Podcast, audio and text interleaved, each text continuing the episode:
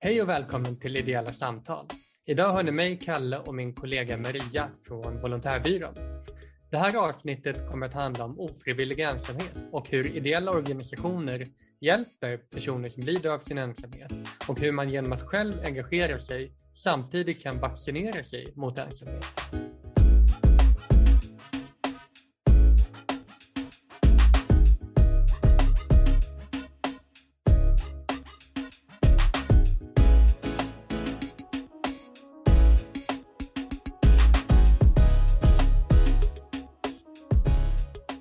Vill du berätta lite mer om vad ensamhet är och kanske vad det inte är, Maria? Ja, ensamhet är ju ett väldigt brett begrepp. Eh, det finns väldigt mycket olika nyanser av ensamhet. Eh, vad som är ensamhet för mig kanske inte är samma sak för dig, Kalle. Eh, det är lite beroende på hur man är som person. Och trots att ensamhet faktiskt är otroligt vanligt så finns det väldigt ofta ett stigma kring eh, att erkänna, kanske för sig själv eller för andra, att man, man är ensam eller upplever en, en känsla av ensamhet. Eh, och att man ofta kanske håller det för sig själv och inte, inte, inte delar det med någon eller liknande. Så, och det behöver ju inte innebära att man är eh, per se att man lever ensam, att man inte har anhöriga, utan det kan, man kan ändå känna ensamhet trots att man kanske lever tillsammans med en, en partner eller liknande. Just det, och, och, det är ju viktigt att, att ingen är ensam om att känna sig ensam. Men jag tror att det är viktigt att peka att ensamhet är vanligare än vad, vad många tror. Tittar vi på en undersökning nu som konsultbolaget VSP eh, släppte 2019 visar faktiskt att sex av tio personer ibland eller ofta känner sig ensamma. Och som du sa, det är ju en högst subjektiv känsla men det är ändå någonting att ta på allvar. Och av de här 6 av 10 ser vi att 3 av 10 upplever att ensamheten är ett problem. Jag tror att det även var tionde person saknar en nära vän. Och det lämnar ju såklart ett, ett, ett, kanske ett vakuum, en känsla av att inte ha någon anknytning och, och det leder ju till många, många olika följder. Eh, och tittar vi även på en annan studie som Statistiska centralbyrån gjorde så ser vi då att 4% av Sveriges befolkning, då, av den vuxna befolkningen, är socialt isolerade. Det är ju väldigt, väldigt allvarliga siffror, det är väldigt många. Så att, eh, det är viktigt här att, att eh, ta den frågan på allvar och den har ju lyfts en del i media men jag tror att det är viktigt att man fortsätter att arbeta med den frågan i och med att den eh, är ändå väldigt många människor och det kan ha men, väldigt eh, tråkiga konsekvenser. Känslan också av ensamhet är ju ofta vanligare vid storhelger och andra sammanhang där, där vi människor samlas kring som jul, midsommar, påsk. Många tycker även att det är jobbigt då att äta själv eller att gå på bio eller andra event. Och det finns ju några olika, vad ska man säga, trigger points eller faktorer eller händelser som gör, gör att det är lättare att hamna i ensamhet. Och, och det kan vara att man flyttar, det kan vara att man går i pension, att man separerar från en partner eller förlorar en nära anhörig. Och ensamheten kan ju vara frivillig eller ofrivillig. Vissa trivs med att vara själva och behöver inte så mycket social interaktion medan andra har ett större behov av andra personers närhet. Eh, känslan av ensamhet innebär inte nödvändigtvis att du lever själv och inte umgås med någon. Även personer som lever med en partner i samma familj eller har många vänner kan ju känna sig ensamma, eh, precis som du sa.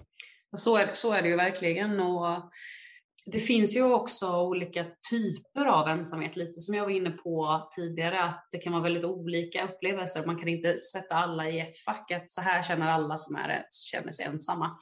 Det finns ju, man brukar prata om tre olika typer av ensamhet, ehm, där vi har bland annat existentiell ensamhet, det vill säga att vi om man själv som person inte känner att ens innersta tankar eller känslor, att man inte kan dela dem med någon, eh, att det inte verkar finnas någon som vill lyssna eller som förstår en situation.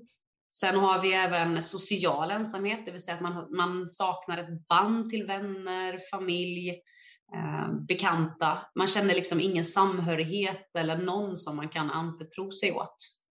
Och så har vi eh, även emotionell ensamhet, det vill säga att man saknar en kärlekspartner eh, som man kan anförtro sig åt på djupet.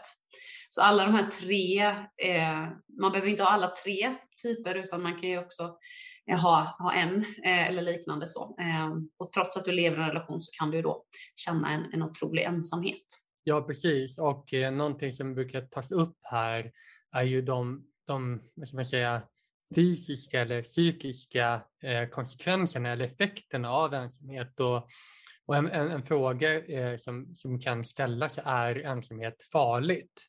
Och eh, ja, eh, det kan ju låta alarmistiskt, men det finns ganska tydlig forskning som visar på koppling, kopplingar mellan känslan av ensamhet och eh, eh ohälsa generellt. Och personer som är ensamma har ökad risk för hjärt och kärnsjukdomar, stroke eh, och demens.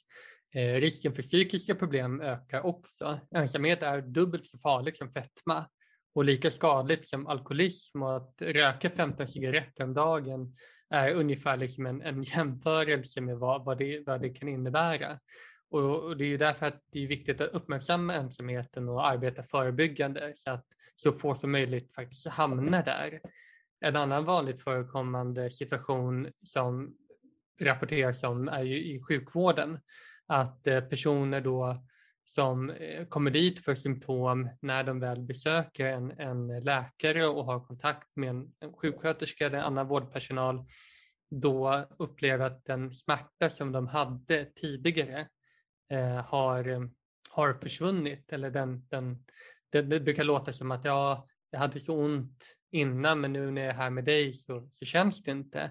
Och det är ju för att den här typen av stress då och, och eh, eh vad, vad ensamheten skapar rent mentalt är att den, den fungerar som en, en förstärkare då av smärta eller av, av just det här jobbiga. Och, Eh, det finns väldigt intressant forskning om man, om man går lite djupare och tittar på det så finns det en professor på Karolinska institutet som heter Peter Strang och han har ju tittat just mycket på ensamhet. Och eh, då tittar de väldigt långt tillbaka och säga säger att, att vi har inte utvecklats jättemycket rent evolutionärt sedan vi var på savannen och att en idé då just för att ensamheten är så jobbig och varför den upplevs så himla stark är för att den är väldigt mycket kopplad till vår, vår överlevnad.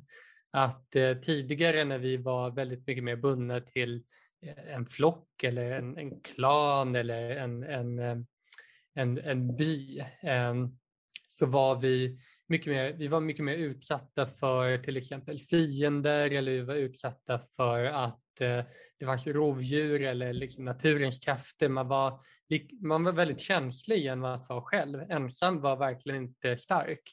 När man då försvann från så att säga sin, sin flock eller sin klan eller vad man vill kalla det, då eh, skapades den här stressen igen.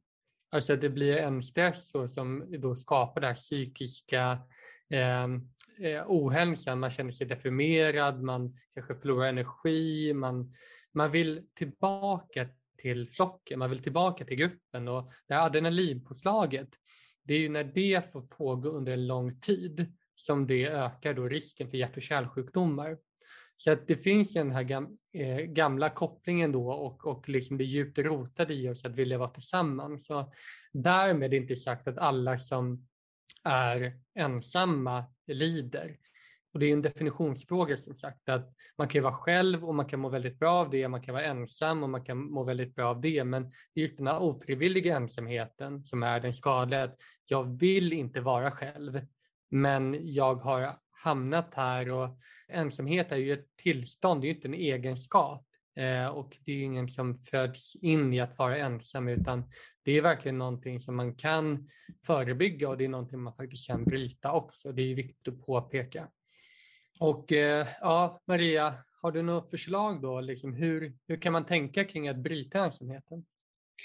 Ja, men eh, det finns faktiskt en, eh, en ganska så smart handlingsplan som kallas IS. Ehm, och den är ju rätt översatt ifrån engelskan, men man kan ta med sig den in när man, när man själv är så pass motiverad att vilja bryta sin egen ensamhet.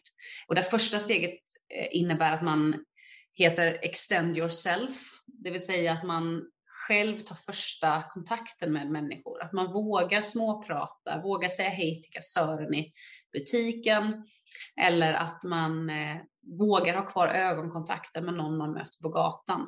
Så det är ett första steg i den här handlingsplanen att, att eh, och det kan ju kännas väldigt läskigt om man, om man är en person som inte som har levt isolerad eller känner att man inte har de här umgängena så kan ju det vara ett väldigt stort steg, men ett eh, väldigt viktigt steg att ta. Eh, att själv våga motivera sig och, och eh, börja småprata helt enkelt.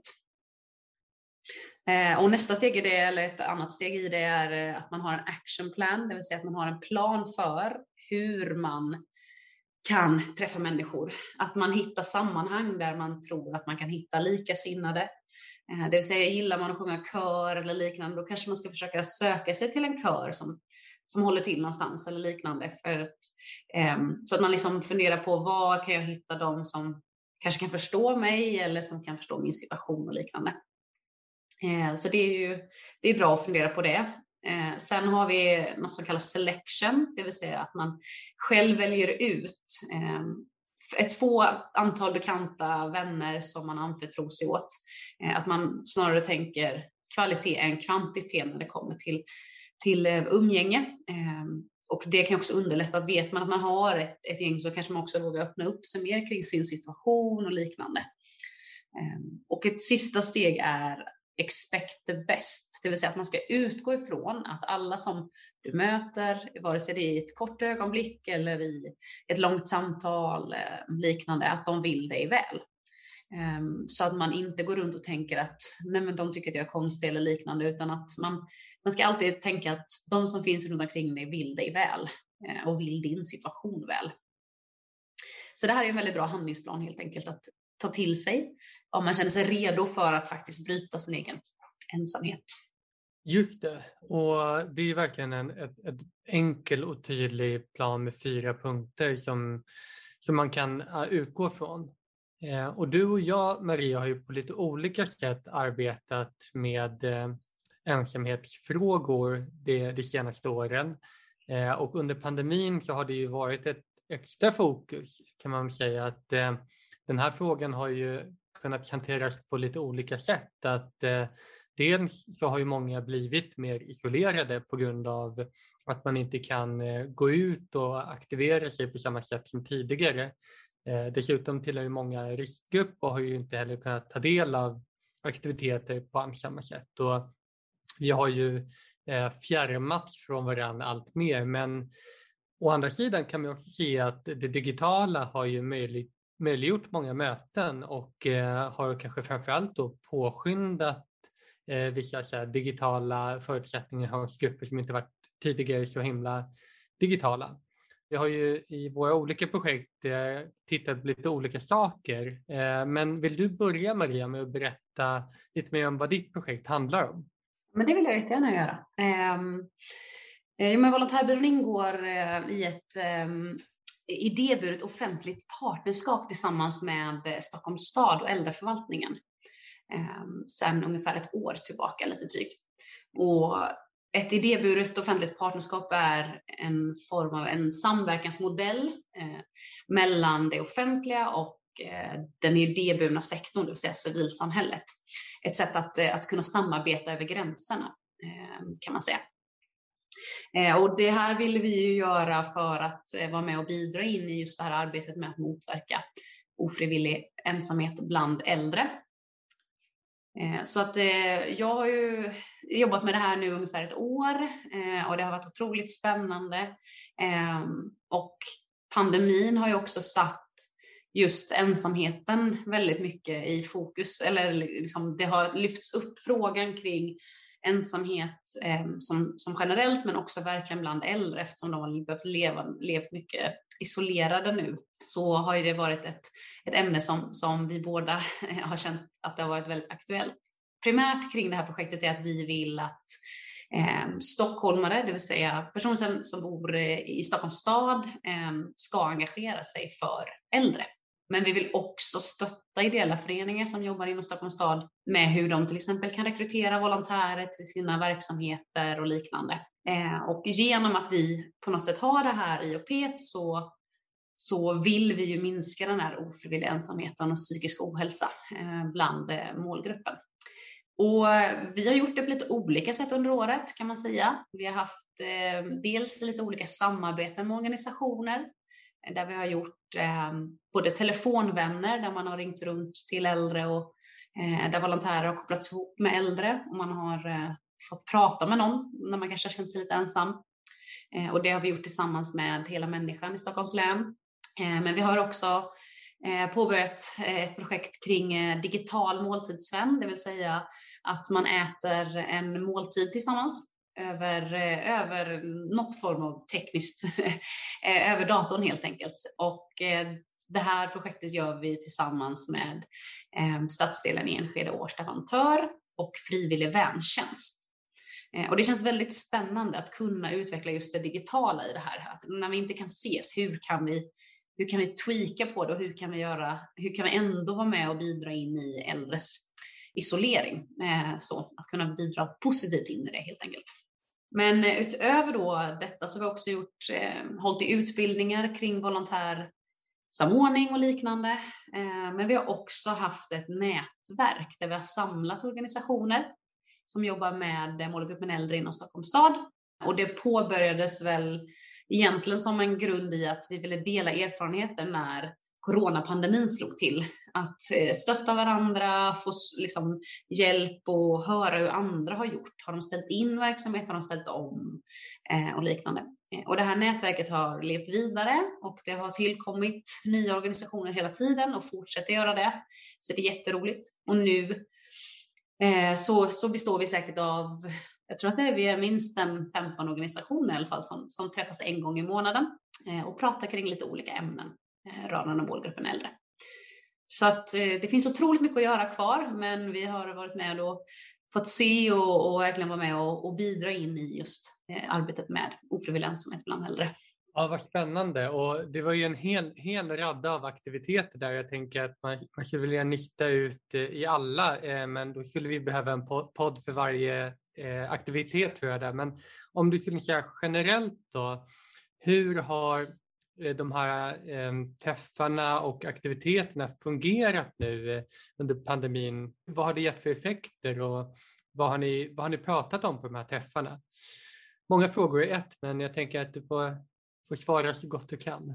Ja, men det som har samtalats om mycket på nätverksträffarna är ju hur ska vi nå målgruppen nu när vi inte kan ses? För att många av de organisationer som, som är med i nätverket har ju haft, organisa eller har ju haft verksamheter på plats. Och eh, det har ju inte varit möjligt eh, nu under pandemin såklart. Eh, så att vi har delat mycket erfarenheter i att någon har börjat kanske det digitala och berättat sina erfarenheter, hur det har funkat. Ehm, så att man har fått liksom lära av varandra och ta del av varandras positiva erfarenheter. Men det har pratats mycket kring just det här hur når vi dem som verkligen vi behöver nå? Hur det digitala utanförskapet har ju verkligen varit ehm, super, eh, ett ämne vi har pratat mycket om eh, och fortsätter prata om utifrån att eh, det är ju inte helt lätt att, att bara bli digital. och det krävs ju stora insatser, kanske från volontärer och liknande. nya typer av uppdrag, projekt som, som riktar sig mot målgruppen äldre för att de ska bli digitala. Sen är det ju också så att som organisationerna märker är ju att det är inte alla som vill bli digitala och då behöver vi också ha kompletterande verksamheter så som eh, ja, men att man har telefonstöd, det vill säga att man ringer istället till de som inte vill um, vara digitala. Eller att man också öppnar upp för nu när, nu när vaccineringen har kommit igång, att man öppnar upp för um, att kunna ses på plats för de som verkligen behöver den typen av. Uh, så att man hittar någon slags hybrid framåt. Vi pratar om det idag till exempel, att Eh, vi behöver ha både och. Eh, att man har lärt sig mycket av det digitala eh, och kommer behålla det, men vi kommer också försöka öppna upp och se och möta äldre individer på plats helt enkelt. Ja, Spännande. Har du några konkreta exempel på hur organisationer arbetar med målgruppen? Ja, men det har jag absolut. Det finns ju liksom lite olika storlek på de här organisationerna som, som jag har varit i kontakt med, men vi har ju till exempel då Mind eh, som jobbar mycket med psykisk ohälsa eh, och de har ju något som kallas Äldrelinjen. Då är det så att man kan som äldre om man känner sig ensam eller att man upplever symptom av psykisk ohälsa eller liknande, att man, att man har eh, känsla av att jag behöver samtala med någon, så kan man anonymt ringa in till äldrelinjen. Eh, och jag vet att innan pandemin så hade de ungefär 30 volontärer, men nu tror jag att de är över 100 volontärer som, som flera gånger i veckan sitter och eh, samtalar anonymt med personer som ringer in. Eh, och det har ju fått vara en otroligt fin effekt eh, att äldre har kunnat egentligen när som helst på dygnet tror jag kunna ringa eh, när man behöver någon att prata med. Och vissa har eh, kunnat fortsätta kontakten eh, med samma person men eh, och vissa har pratat väldigt kort, vissa har pratat väldigt långt. Eh, så det beror lite på vad man har för behov, men, men de finns verkligen. De har gjort ett otroligt fint arbete under, under det här året som eh, pandemin har varit, men kommer ju också fortsätta nu. Jag tror att vi får inte glömma bort att nu kanske det stora arbetet börjar för att vi ser konsekvenserna av vad den här isoleringen har bidragit med. Så, så vi får inte tänka att det är över än. Liksom, så. Eh, och sen till exempel så finns det en organisation som heter Södermalms frivilligcentral, Viljan. Eh, och de har volontärbyrån samarbetat med kring eh, att erbjuda telefonsupport för äldre, det vill säga telefonsupport för att kunna bli digitala. Och det har faktiskt visat sig vara väldigt lyckat. Man kan tänka att hur ska man kunna lära en person som inte är digital att bli digital via en telefon? Eh, men där har eh, vi ett samarbete tillsammans med PRO Höga Lid och Viljan eh, där vi då har rekryterat volontärer och de ringer upp de här personerna som vill ha stöttning på något sätt. Och det har faktiskt funkat ofantligt bra utifrån förutsättningar. Vissa har fått hjälp med BankID. Eh, andra har kanske velat från grunden kunna starta en dator till att kunna logga in på internet. Eh, så det är väldigt så olika vad man har velat ha, ha hjälp med. Man kanske har velat ha, lära sig hur Zoom fungerar som har blivit ett väldigt digitalt verktyg. Så, ehm, så att, eh, det är ju ett annat projekt och det är tanken också att det sen ska bli digital utbildning på plats till hösten förhoppningsvis. Ehm, så det, det är jättekul att det, det pågår liksom både på, på hög nivå men också på, på lite, liksom lite mindre organisationer. Alla jobbar på sitt sätt och vill nå målgruppen på olika sätt. Så. Ehm, men sen har vi också ett väldigt spännande projekt som Attention jobbar med som är ehm, Äldrelyftet som handlar om att personer med, eh, eller äldre, äldre som, som har ADHD, att man ska få åldras och må bra. Och just kunskapen kring äldre som har diagnosen eh, ADHD är väldigt bristfällig. Eh, det är jättemånga äldre som aldrig har fått den diagnosen tidigare, eh, men som, som då Attention vill lyfta i ett treårigt projekt och få upp kunskapen kring just hur viktigt det är att faktiskt, även om du är 65 plus eller 70, så kan det vara jätteviktigt att man får just diagnosen, för det kan förklara väldigt mycket liksom, hur ditt liv har varit. Um, Annika som driver det här projektet berättar till exempel att många äldre möter i, vården så säger de så här, men du behöver väl ingen diagnos? Eh, det, du har ju levt så här hela ditt liv utan en diagnos. Eh, men att man har insett där att så här, det är jätteviktigt för det, ja, men det, det, kan förklara väldigt mycket vad, vad som har hänt i livet, varför man har tagit vissa beslut eh, och liknande. Så att eh, Annika och de jobbar jättemycket med det. Eh, att få dels få upp i samhället frågan kring äldre och ADHD. Eh, just för att många i den målgruppen känner sig ensamma. Eh, nästan hela 48 procent uppger i de mätningar som de gör att eh, de ofta känner sig ensamma. Och det är också väldigt fint för att de samlar nu i ett projekt eh, personer med ADHD och som är äldre eh, i ett, eh, liknande, i ett eh, pilotprojekt, ett digitalt pilotprojekt som innebär att de har startat upp en samtalsgrupp där, som de kallar Din egen makt, där liksom deltagarna ska få en ökad förståelse för vilken inverkan faktiskt ADHD har och kunna utbyta erfarenheter med andra personer som också är målgruppen äldre men som har diagnosen eh, ADHD. Så eh, det ska bli spännande att följa alla de här olika eh, projekten och se hur, hur de utvecklar sig framöver. Men det görs jättemycket. Det här är bara några få av alla de organisationer jag möter i mitt arbete. som gör fantastiska saker på olika sätt.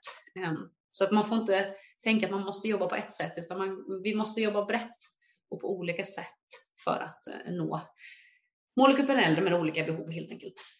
Ja, och det där har varit väldigt, väldigt tycker jag tydligt nu eh, under pandemin inte minst, hur organisationer verkligen har ställt upp och ställt om just för att möta de här nya behoven och utan att, eh, att, att de andra behoven helt försvinner utan man jobbar på nya sätt och Eh, man är verkligen duktig på att hitta nya lösningar och jag tror att mycket av de här nätverken har varit väldigt värdefulla just för att eh, lära av varandras misstag och inte göra parallella lösningar utan att snarare komplettera varandra istället för att konkurrera. För som sagt att behovet är så himla stort och eh, behoven är så pass många och, och, och vad ska man säga, i många fall väldigt eh, nischade och, och det är det som är så bra att, att kunna samla det, att, att då kan man verkligen vägleda och hjälpa dels alla som jobbar med det här men också de som eh, är deltagare och kanske tillhör de här olika målgrupperna att, att hitta rätt.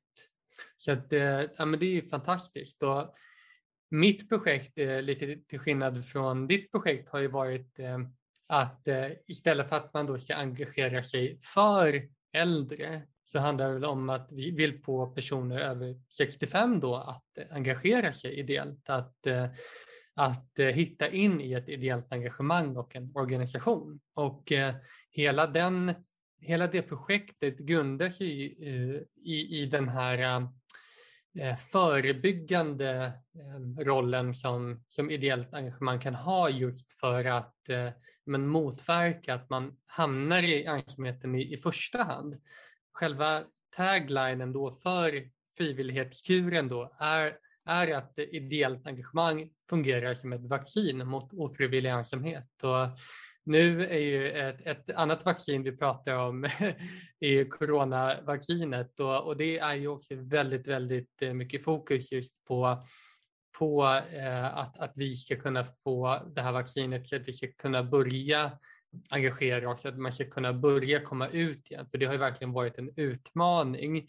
Men när vi startade det här projektet så fanns ju inte pandemin på kartan. Och eh, det här projektet då som vi driver har vi fått stöd av Svenska Postkodstiftelsen och vi eh, jobbar ju där med eh, egentligen lite olika fokusområden. Eh, dels har vi jobbat med en kartläggning där vi tittat på hur ser personer då över 65 eh, på ideellt engagemang? Det är en väldigt stor åldersgrupp, eh, vår primära målgrupp kan man säga, den är ju mellan 65 och 85. Här är det viktigt att man inte hamnar i, i någon form av ålderism, att man drar alla över en kam, utan det är verkligen ett stort spektra med olika intressen, med olika förutsättningar och olika behov och eh, ideella engagemanget är ju bra på det sättet att det finns en så stor palett.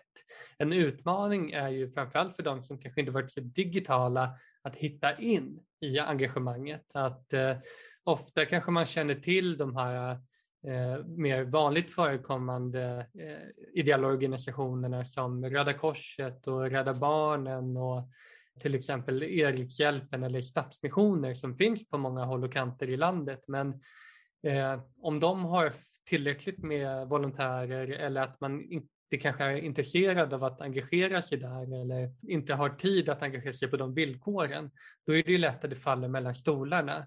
Men det ideella engagemanget är ju så himla mycket bredare och det finns verkligen jättemånga möjligheter att, att engagera sig. Och det är det vi vill hjälpa till att visa upp och hjälpa personer att hitta in i. Så att eh, det här projektet har ju då utifrån den här kartläggningen då handlat om att eh, här, förstå bättre vilken typ av eh, engagemang som eh, den här målgruppen tycker är intressant. Eh, Eh, vilka behov har man? Vilka eh, budskap tycker man är viktiga att lyfta fram? Varför gör man det här helt enkelt? Och vad ger det de personerna? Så jag tänkte att vi skulle kunna lyssna faktiskt på en av våra äldre ambassadörer då. Eh, vi har ju rekryterat ett gäng eh, ambassadörer i det här projektet då som eh, vi använder då dels för att förstå bättre men också som har använt volontärbyrån men också är ideellt engagerade och eh, som kan inspirera och informera vidare om hur engagemanget kan påverka och hur, hur de har eh, fått väldigt positiva effekter av det att just att eh, jobba ideellt va, är lättare att ta sig in på och få nya vänner eh, än vad det är om jag till exempel skulle gå en danskurs eller en språkkurs. För där är ju folk mera, de gör det ju för sin egen skull. De är inte där för att göra någonting för någon annan, är de ju inte i de lägena.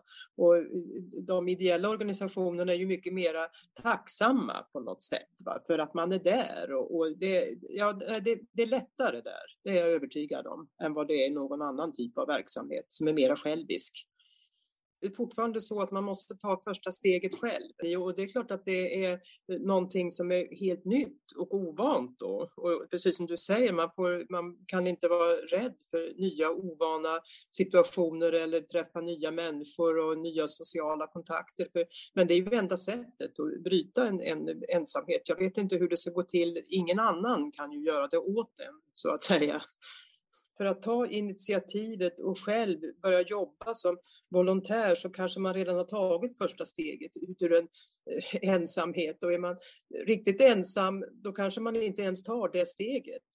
Jag vet inte. Däremot så tror jag att om man väl gör det så hittar man ju nya gemenskaper. Det, det gör man eh, absolut. Det, det tror jag. Det vi nu hörde var ju Gunilla då, en av våra ambassadörer i frivillighetskuren och hon är ideellt engagerad i Läkare i världen. Och innan jag berättar lite mer vad hon gör så tycker jag det är viktigt att säga att, att och som hon själv uttryckte när jag pratade med henne och intervjuade att hon känner sig inte ensam eh, och gör ju inte det här för att hon är ensam. Eh, däremot så är det viktigt att säga att det här som, som vi har som eh, idé är att det ska ju vara fungerar som ett förebyggande. Och Gunilla berättade ju själv då att när hon slutade arbeta och gick i pension, så det var då hon började engagera sig på allvar. Eh, och eh, det var ju mycket för att nu hade hon ju tid, hon hade en, en bra pension, hon ville använda sin tid till att bidra. Och att bidra till någonting som gör nytta för andra och inte bara liksom fokusera på sig själv. Och eh, en annan del av det var ju att det blev en, en rutin. Hon har ju varit engagerad där ungefär 6-7 år och det här blev ju ett väldigt tydligt sätt för henne att kunna gå till eh, en, ett kontor, träffa personer. Så, så som hon är engagerad nu så är hon ju en del av deras givarservice som innebär då att hon har antingen ett förmiddags eller ett eftermiddagspass och sen då en lunchträff då, då hon träffar andra volontärer.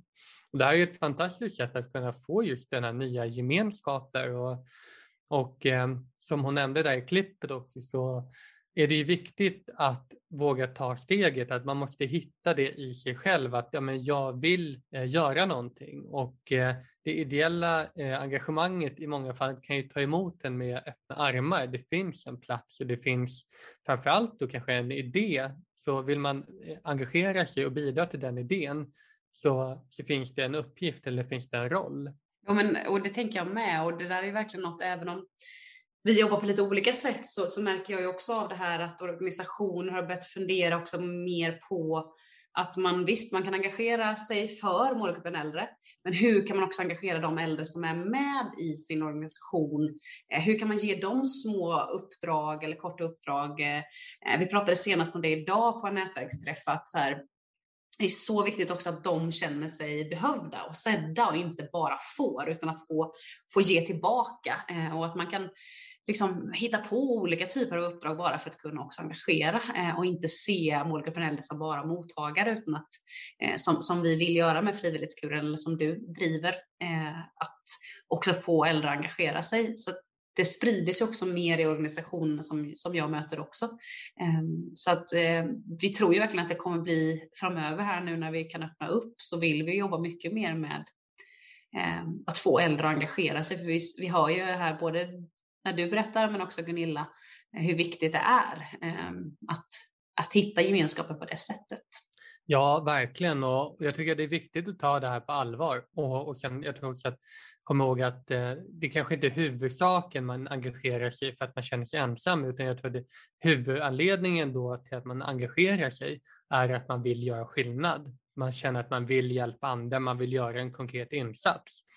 Och, och jag tycker det är intressant att den, den, globala trenden är ju att människor lever allt längre liv och samtidigt så statistiken visar att det finns en utbredd problematik gällande äldres hälsa och välbefinnande att eh, en avsaknad av mening och, och, sammanhang då skapar känslan av ensamhet eh, och som i sin tur då ofta kan leda till depressioner eller försämrad fysisk och psykisk hälsa. Och det är väl kanske lätt att, och att det låter som det, men det är ju viktigt att alla är ju inte ensamma, så, så är det ju verkligen inte. Men någonting som faktiskt visat sig vara effektivt för att inte ens hamna där och för att kunna bryta det, det är ju just den meningsskapande delen. Eh, att tittar man på den forskningen som har skett just kring ensamhet och så här, vägar ur den, mycket av det här som, om vi går tillbaka till den modell som du presenterade tidigare med is, det handlar ju om att hitta de här sammanhangen som, som ger en, en mening och ger en trygghet. Och där är ju det ideella engagemanget väldigt, väldigt eh, eh relevant och, och viktigt. Och hur vet vi det kan man ju ställa sig frågan. Men vi gör ju på volontärbyrån årligen då en volontärbarometer där vi då skickar ut en enkät då till personer som har engagerat sig eller sökt uppdrag då via oss eh, föregående år. Så just nu sitter vi med volontärbarometern då för 2021 då, som handlar om de som engagerade sig då eh, under 2020. Eh, men tittar man överlag då så kan man se att eh, det är en väldigt, väldigt hög procent som får ut, känner meningsfullhet via sitt ideella uppdrag. Det är ungefär nio av tio volontärer som känner större meningsfullhet i tillvaron. Eh, och det som också är intressant med det här är ju att eh, de som kommer in i engagemanget smittar ofta av sig av det till andra. Jag tror att 67 procent ungefär inspirerar andra i sin omgivning att engagera sig. Så det här är också verkligen ett ringer på vattnet. Och engagemanget överlag, det stärker demokratin, stärker vår liksom, tillit till institutioner eh, samt till andra medmänniskor.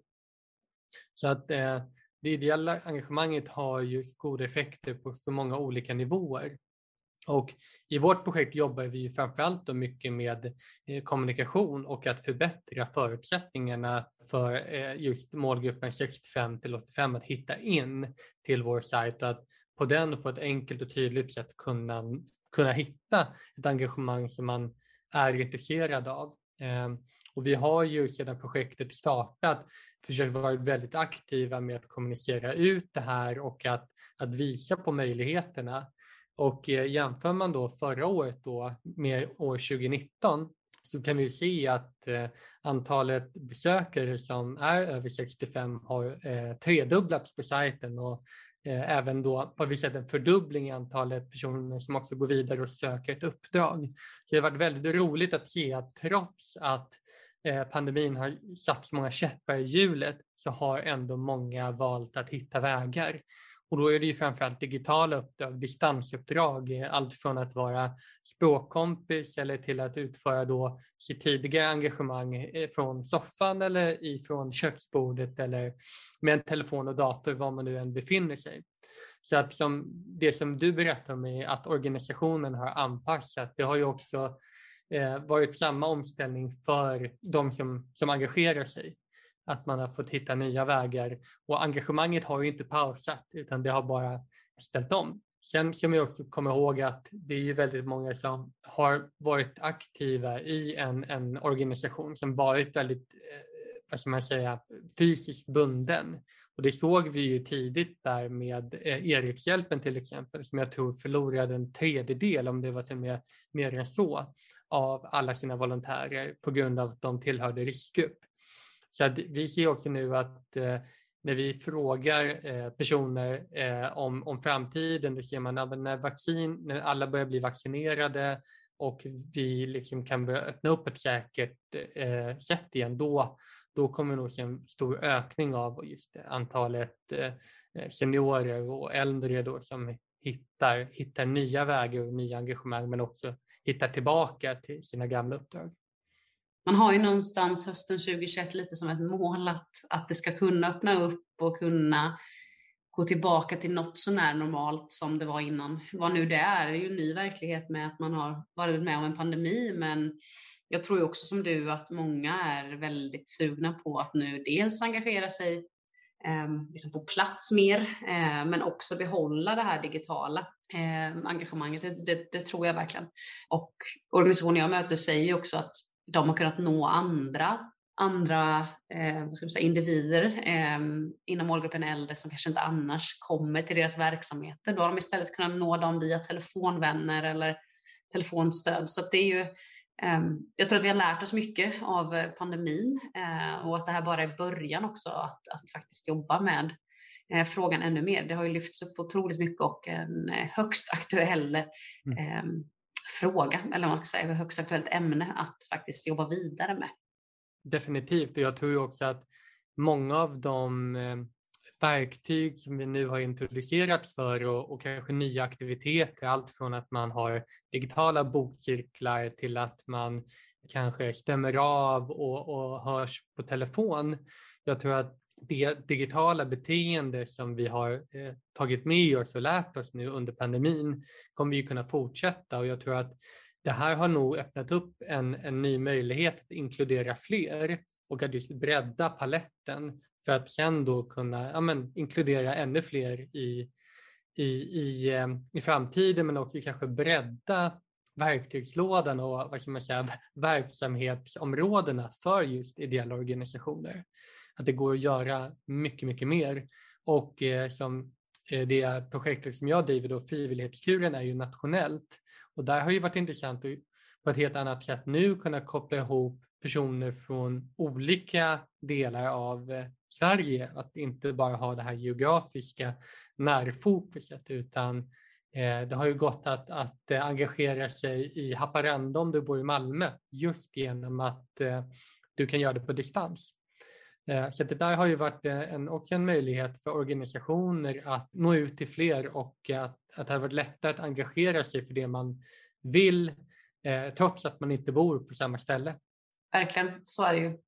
Eh, men du kan jag sitta här och fundera på om man sitter och lyssnar på oss nu och kanske dels är sugen på att engagera sig eller liksom komma i kontakt med de organisationer som, som vi möter. Hur, hur, hur gör man då?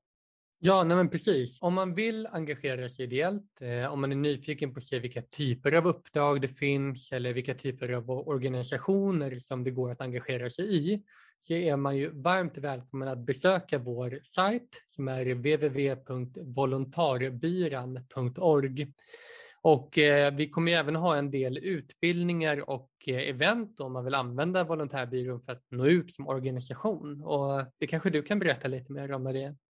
Eh, jo men Kalle, det stämmer ju. Vi har ju, eh, Volontärbyrån har ju eh, flera olika utbildningar man kan gå för att lära sig mer kring ideellt engagemang, kring eh, eh, hur man samordnar volontärer, eh, hur man motiverar, behåller och liknande. Ehm, och de utbildningarna ehm, löper ju kontinuerligt under året så det är bara också att ha koll på vår hemsida. Där kan man eh, gå in och läsa om vad de innebär eh, men också eh, anmäla sig. Ehm, och till hösten så kommer vi köra igång alla utbildningar igen. Så att det är bara att hålla utkik om man behöver lite extra stöd och hjälp i sin verksamhet helt enkelt. Eh, men sen har vi också kortare lunchföreläsningar där vi berättar lite mer kortfattat om, om volontärbyrån, hur man kan, vad man ska tänka på när man lägger ut ett uppdrag, kanske via oss, eh, men även hur man behandlar volontärer, vad man ska tänka på och så. Eh, så att det finns mycket att hämta hos volontärbyrån och eh, lära sig helt enkelt. Stort tack till dig som har lyssnat och jag hoppas att det här avsnittet har eh, givit lite mer insikt om vad eh, ensamhet eh, är och vad det innebär och hur ideellt engagemang på olika sätt kan motverka och förebygga ensamhet. Vill du komma i kontakt med oss gör du det lättast via sociala medier eller via vår hemsida. Vi svarar gärna på mejl och telefon så alla uppgifter hittar du där. Ja, eller om du till exempel vill eh, få en specifik kontakt till en organisation som, som vi samarbetar med så är det bara att kontakta oss också eh, så kan vi leda er vidare till, eller dig vidare till, till rätt organisation helt enkelt. Så med det säger vi tack. Tack och hej!